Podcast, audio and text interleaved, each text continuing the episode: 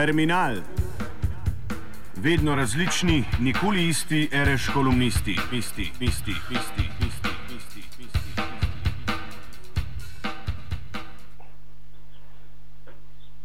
Lepa hvala za razumevanje. Pred dnevi je završala v naših občilih za nas humorna novica, ki pa je bila predstavljena nad vse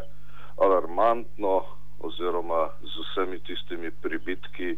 ki so ji oduzeli vs humor. Namreč to, da je neka letalska družba na kitajskem eh, retuširala oziroma po svoje obdelala fotografijo bleda, eh, zadaj naredila svoje ozadje, tam kjer so karavanke, ostal je Blejski grad, eh, na mesto RKC cerkve, na otoku pa se je pojavil budistični tempelj. Seveda se lahko hahljamo ob vseh tistih reakcijah, zlasti ob reakciji velikega kreativnega maga gospoda Bagole z pristopa, ki je nekaj spregovoril o avtorskih pravicah, kot da ne bi bil sam reprezentant ne samo neoliberalizma, pač pa tudi postmodernističnega postopka, s katerim se uh, zadeve krojijo, lahko tudi to na pol piratsko, pa vendarle lahko rečemo dobrodušno, z vso naklonjenostjo do neke imaginarne krajine, ki jo je seveda obdeloval kitajski oblikovalec, tega morda ni videl, pa vendarle se je zadeva usedla, kot da bi uh,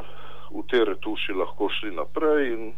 recimo na Blejskem otoku bi se lahko pojavila izstrelitvena rampa za rakete, lahko bi se pojavil televizijski stolp,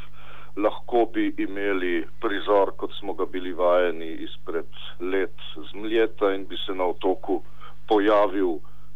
čudovit hotel in tako dalje in tako naprej. Uh, na kaj nas je spomnila fotografija, takoj nas je popeljala domala sto let nazaj in sicer se je prikazala tista znamenita podoba iz Trente, kjer so spričo tega, da se je v avstro-ogrski vojski na naši skupni strani bojeval tudi bošnjaški polk, sredi Trente postavili džamijo. E, prav tako bi lahko bila v nekem reklamnem panoju retuša, kjer bi na Blejskem otoku stala džamija in slika seveda e, z dosti minuciozno, natančno obdelavo in predstavitvijo bi lahko predstavljala tudi vse te slike. Glej ga zlomka, poleg gospoda Bagole, ki ne verjame lastnemu postmodernizmu in neoliberalizmu, je seveda bil rahlo, muzajoč se pa vendarle malo zgrožen tudi blejski župnik, ko si je ogledoval budistični tempelj na mesto rimsko-katoliške cerkve na blejskem otoku. E, zadeva seveda e, spada v neko dvojno vijačnico kulturnega postopka, kajti tisti reprezentant kreative, gospod Bagola, ki se je obregnil, to seveda molči ob zadevah, ki pa na lokalni ravni seveda zbujajo precej več skrbi kot hudomušna kitajska preslikava bleda iz katoliške v budistično središče. Namreč, eh, če se spomnimo, v zadnjega pol leta se je dvakrat zgodilo, da je recimo AKC Metelkova brez kakršne koli najave obiskala ekipa marketingerjev, ekipa snemalcev reklam in pač ozadje uh, uporabila, čež da gre za javni prostor, zato da je snemala reklame. Enkrat tuš, drugič Opel, lahko bi rekli, Tuš, ja, lahko bi si to privoščila kakšna druga veriga in Opel, ja, lahko bi snemali reklamo za kakšen boljši avto, kot je to Opel, ampak vendarle verjetno kreativni magi, varuhi marketinških pravic, eh, ljudje, ki se zauzemajo za zatočišče avtorskih pravic, seveda ob tem ne povzdignajo glasu, kaj šele, da bi se ukvarjali zadevami, ki pa so nekoliko bolj resne, recimo že omenjena v teh kolumnah apropriacija imena Metelkova, ki traja že dve leti in ki se je zdaj razvila do forumskih meja. Namreč ne samo, da ima AKC Metelkova že skoraj 20 let svoj forum, po novem ga ima tudi tista druga Metelkova, ki se imenuje Metelkova na jugu in ki ima tudi prve dni v mesecu tam svoj forum in pač razgrinja uh, svoje izdelke. Zakaj gre? Seveda, apropriacija ni kar tako, ker AKC Metelkova, karkoli si mislimo o njem v današnji podobi, seveda ustreza popolnoma drugim produkcijskim razmerjem, vsaj v svoji veliki večini, kot pa so to produkcijska razmerja, odnosi in sami načini, kot si jih dovoli in kot jih propagira tako imenovani muzejski trakt. Torej, šlo je za preprosto apropriacijo uh, imena, ki sicer nekje vzvalovi kot nekakšen brand, kot trademark, kot se izražajo uh, veliki kreativci, pa vendarle zadeva ni nikjer zaščitena, ampak teče sama po sebi in ima svojo uh, socialkulturno dinamiko, v kateri Metelkova pomeni nekaj drugega, kot si oni predstavljajo, da se zadeva lahko širi po Friškovcu in po taboru Eh, prostovoljno tja do staro elektrarne, do staro elektrarne, tja do cerkve eh, in morda še kam. Eh, zadeva seveda je dobila takoj svoj odziv, časi pa tudi niso takšni, da bi mediji reagirali in to vrstne kolektivne odzive tudi objavljali. Namreč,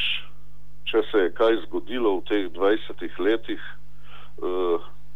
kot bi rekel, bivši premijer in sedajni predavatelj in pisec in izdajatelj, revizor svojih starih knjig Janez Janša. Eh, v 25 letih se je zadeva seveda korenito spremenila in najbrž kolektivni podpis v pismu javnosti eh, ne pomeni več karkoli, sploh pa ne dosega tistega učinka, ne dosega tiste ravni, da bi se mu občila pokorila in da bi uh, ta imaginari, ki seveda ni imaginari, tudi objavljala. Kolektiv ima seveda uh, svoje člane in članice in ga sestavljajo prav tako osebki, kot sestavljajo osebo uh, različne osebnosti, ko se ta podpisuje s svojim lastnim imenom priimkom in naslovom. E,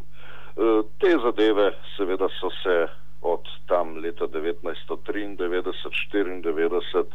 ko so prav pri omenjeni AKC Metelkovi e, občila še objavljala kolektivna pisma, kolektivna sporočila za javnost, e, spremenila do te točke, da se seveda zadeva pozna tudi na kulturni ravni. Kar smo prebirali zapisov ob prosluli ustaji in na to temo navrgli že precej, smo se pa vseeno premalo poglobili v to, da je to vrstna ustaja popolnoma zamovčala uh, hierarhične razmerja, ki veljajo tudi v kulturi. Namreč, kako je mogoče, da se kultura hierarhizira prav tako kot šport, kjer je to seveda nekaj imanentnega, prav tako kot politika, kjer je ta zadeva manj eminentna, namreč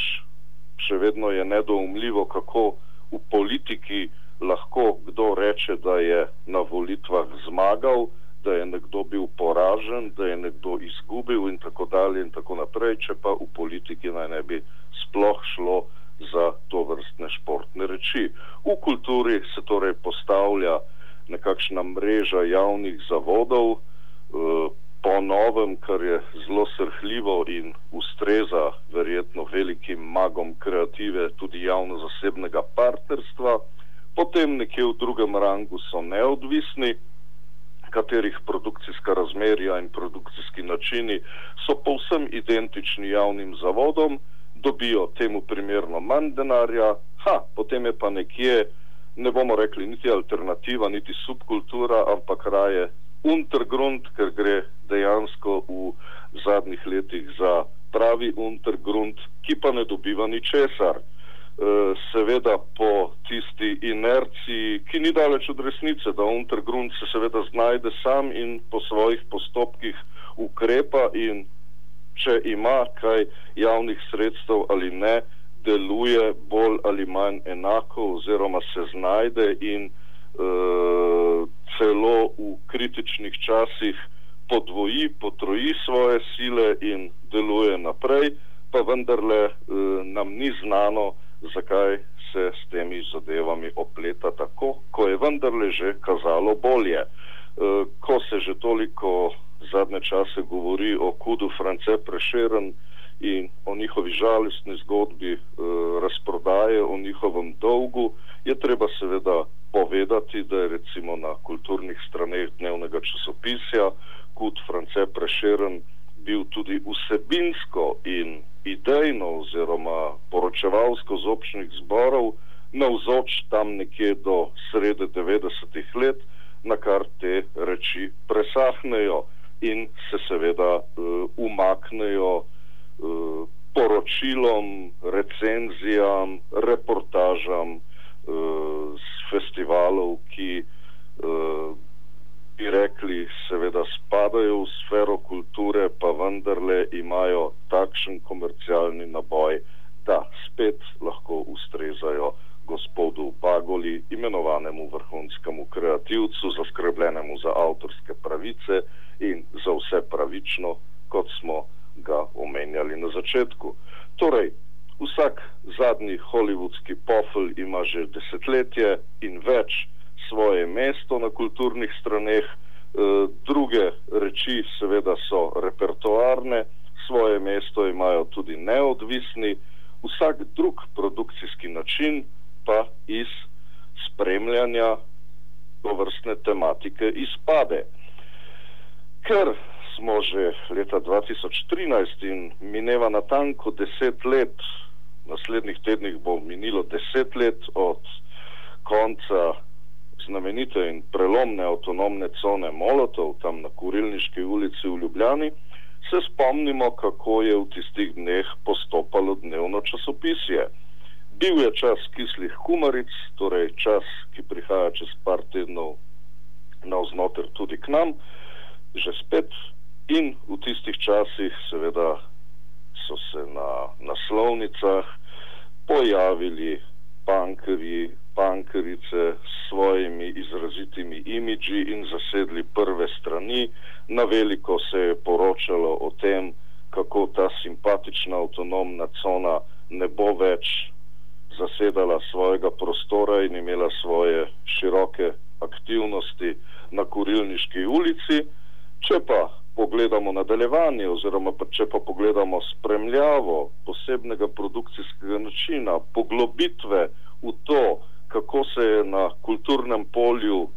lomilo marsikaj s to inicijativo AC Molotov in podobnimi, pa vidimo, da na kulturi ni ne duha, ne sluha. Močno namreč dvomimo, da bo kulturna stran katerega koli od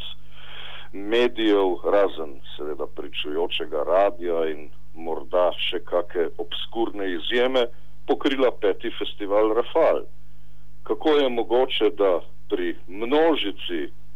inicijativ, ki se pojavljajo prav te dni, namreč teče spet ob deseti obletnici Balkanski anarhistični sejem knjig, močno dvomimo, da bodo to vrstne reči uh, prodrle nekam v kulturno sfero, kajti, kajti kulturna sfera mora seveda ustrezati šolskemu kurikulu in biti čim bolj kulturna na nek način, ki je seveda znan samo tistim, ki jih zadeve urejajo. Vprašanje je seveda, koliko jih sploh urejajo oziroma kolikšen je poseg in kolikšna je stopnja miselnosti, ki bi lahko podala še kakšen drug pogled na bogato ustvarjanje v tem prostoru predvsem bogato v samoniklih prizoriščih, v prizoriščih, ki se trudijo z drugimi produkcijskimi razmeri in načini, eh, pa vendarle se mora vaš govorec spomniti na starega sodelavca tega le radija, na sedanjega urednika sobotne priloge, ki mu je ob ponudbi, da bi priobčil kaj v tem občilu, rekel, da lahko, ampak kriterij in meja naj bo ansambl res nuljus, seveda ga imamo radi, res nuljus, pomemben ansambl, ampak kaj vendar pomeni izrečena poved, da naj bo to tisti minimum alternative subkulture, ki jo veličastni medij še prenese. E, zadeva je seveda vredna še in še analitičnega postopka in se umešča na tanko v tisto pobudo, v kateri uh, je zaznati nek moment, ki ga je ustajniško, tako imenovano ustajniško telo vendarle sprožilo in ki je tudi prišlo ob 44-letnici pričujočega radija do svojega svetlega momenta. To so namreč redne debate o prostoru in lastnini, o prostoru in lastnini v najširšem pomenu besede, torej tudi o tistem, ki sega do medijev. Kdo je seveda tisti, ki odloča, jasno, da najbrž urednik, eh, katere reči se objavljajo, to da vendarle kakšna cenzura deluje v uredniškem korpusu, da se postavljajo meje uh, v pristopu, ki seveda nima nobene zveze z realnostjo, še najmanj s tukajšnjo. Seveda, če se vrnemo k začetku, veliko bolj alarmantne zadeve kot podoba Blejskega otoka z budističnim templjem so razne vodke, ki se z imenom Slovenija prodajajo po Združenih državah Amerike. Si predstavljate, da bi videli nekje vodko z imenom Poljska ali Ukrajina, se tega človek ne bi mogel imati resno, vendarle pa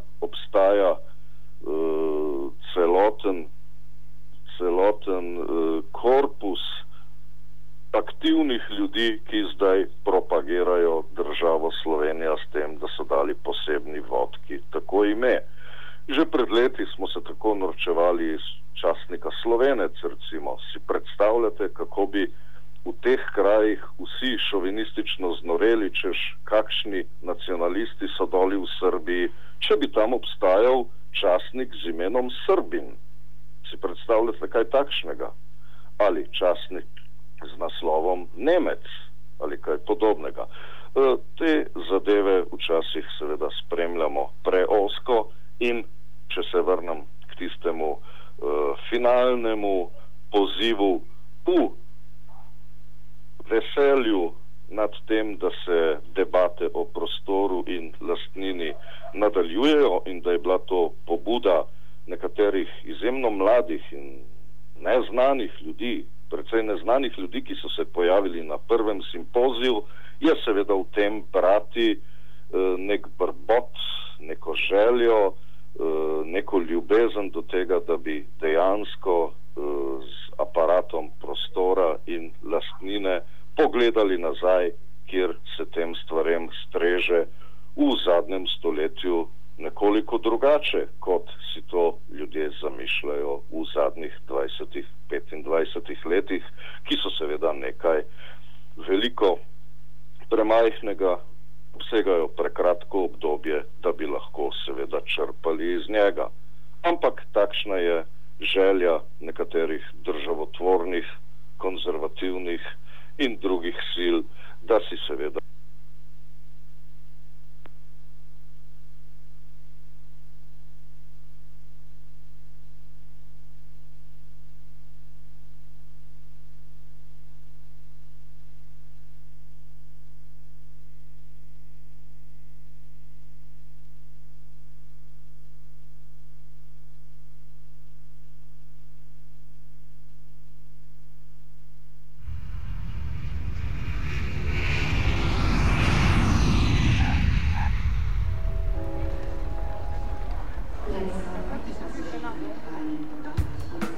Terminal. Vedno različni, nikoli isti, reš kolumnisti, isti, isti, isti, isti, isti. isti.